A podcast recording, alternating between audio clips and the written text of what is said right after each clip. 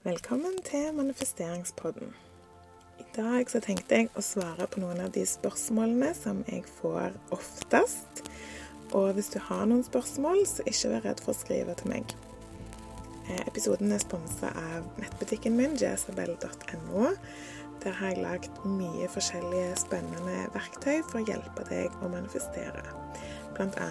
en manifesteringsworkshop, en takknemlighetsdagbok både for barn og for voksne, og affirmasjonskort med ulike tema. Eh, det ligger link i episodebeskrivelsen hvis du har lyst til å sjekke ut nettbutikken. jesabel.no, altså. Et spørsmål som jeg får ofte, det er hva er egentlig manifestering? Og det har jeg jo en egen episode om, og hvis du har funnet denne episoden, så vet du kanskje svaret på det allerede, men jeg skal svare eh, superkort på det allikevel. Eh, manifestering er noe som vi gjør hele veien, bevisst eller ubevisst.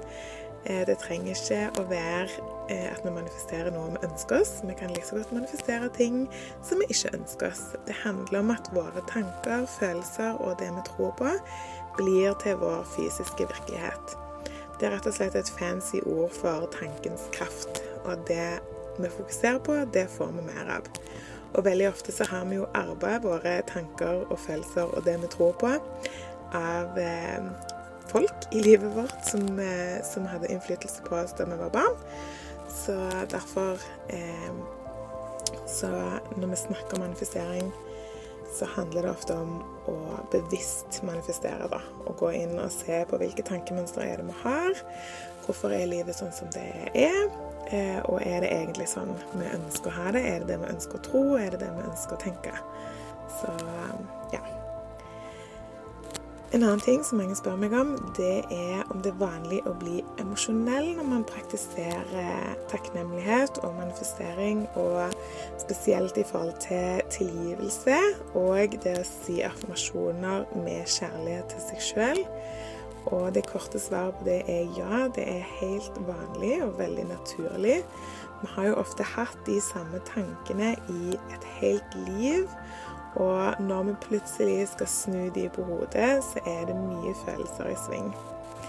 Eh, for hvis du hele livet har trodd at du ikke fortjener kjærlighet, f.eks., og så skal du plutselig stå i speilet eller bare si til deg sjøl, eller bare tenke for deg sjøl, eh, at du elsker deg sjøl ubetinga, så rører det noe i de fleste sine følelser.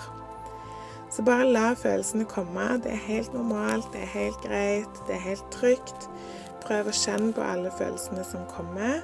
Og når du klarer å føle følelsen helt ut, så vil han òg slippe taket mye raskere enn om du prøver å legge lokk på den. Jeg har hele livet prøvd å legge lokk på alle mine eh, negative følelser, eller det som jeg følte var negative følelser. Eh, men når jeg lærte meg å bare akseptere følelsene når de kommer, føle de ut, så, forsvinner de. Så slipper du å gå rundt og bære på de under det lokket. I forrige uke så la jeg ut en eh, episode som var et syvstegs aktiv meditasjon. Og i en av øvelsene der så snakker jeg om å kjenne på takknemlighet for noe jobbrelatert. Og I den forbindelse så har jeg fått noen spørsmål om hva man kan gjøre hvis man ikke har en jobb. Eh, og jeg vil si at de aller fleste har en jobb. Enten det er i tradisjonell forstand eller ikke. Kanskje jobber du med å oppdra barn og holde et hjem ved like. Kanskje jobber du med å holde deg sjøl så frisk som mulig. Kanskje jobber du med å få en jobb. Kanskje jobber du med å skape din egen arbeidsplass. Kanskje jobber du med å hjelpe noen andre til å bli friske. De færreste får betalt for å bare drive dank. Og enten du får betalt av Nav eller av noen andre, så får du betalt for å gjøre en jobb. Og uansett eh, hva du gjør, så gjør du en jobb. Så vær stolt av den jobben du gjør, og bruk den i det steget om takknemlighet i jobbsammenheng i episode 35, altså forrige episode. Jeg får òg ofte spørsmål om det går an å manifestere en annen person eller bedre fysisk helse eller spesifikke ting da, som folk ønsker å manifestere. Og svaret er ja, du kan manifestere hva som helst. Um, du har sikkert hørt om placeboeffekten. Jeg tror jeg har snakket om det før her òg, men i korte trekk så er det hvis du har en gruppe med mennesker med samme fysiske symptom, la oss si f.eks. hodepine. Dette er det masse masse forskning på på mange ulike sykdommer, altså, men la oss si hodepine. Eh, halvparten av gruppa får en hodepinetablett, og halvparten av gruppa får en tablett som ser ut som en hodepinetablett, men inneholder ingen medisin. Og ingen av deltakerne vet hvem som får hva. Og da viser det seg at begge gruppene opplever at de får mindre hodepine. Og noen ganger så blir faktisk den gruppa som ikke får medisin, friskere enn den gruppa som får medisin. Og dette er jo et tydelig bevis på at det vi tror på, kan endre kroppen vår fysisk. Og det er den effekten vi ønsker å skape når vi manifesterer. At vi klarer å stole blindt på at det vi ønsker å manifestere, er vårt. Vi er òg godt i gang med manifesteringschallengen, som varer ut uka. Vi er over 550 stykk som er med og inspirerer hverandre i den Facebook-gruppa.